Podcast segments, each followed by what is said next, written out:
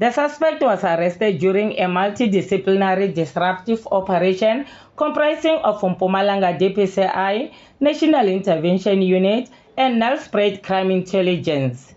The arrest followed after the suspect was linked through fingerprints to the Malalane Cash Transit case, which took place on the 11th of August 2023. This brings the number of accused persons to nine.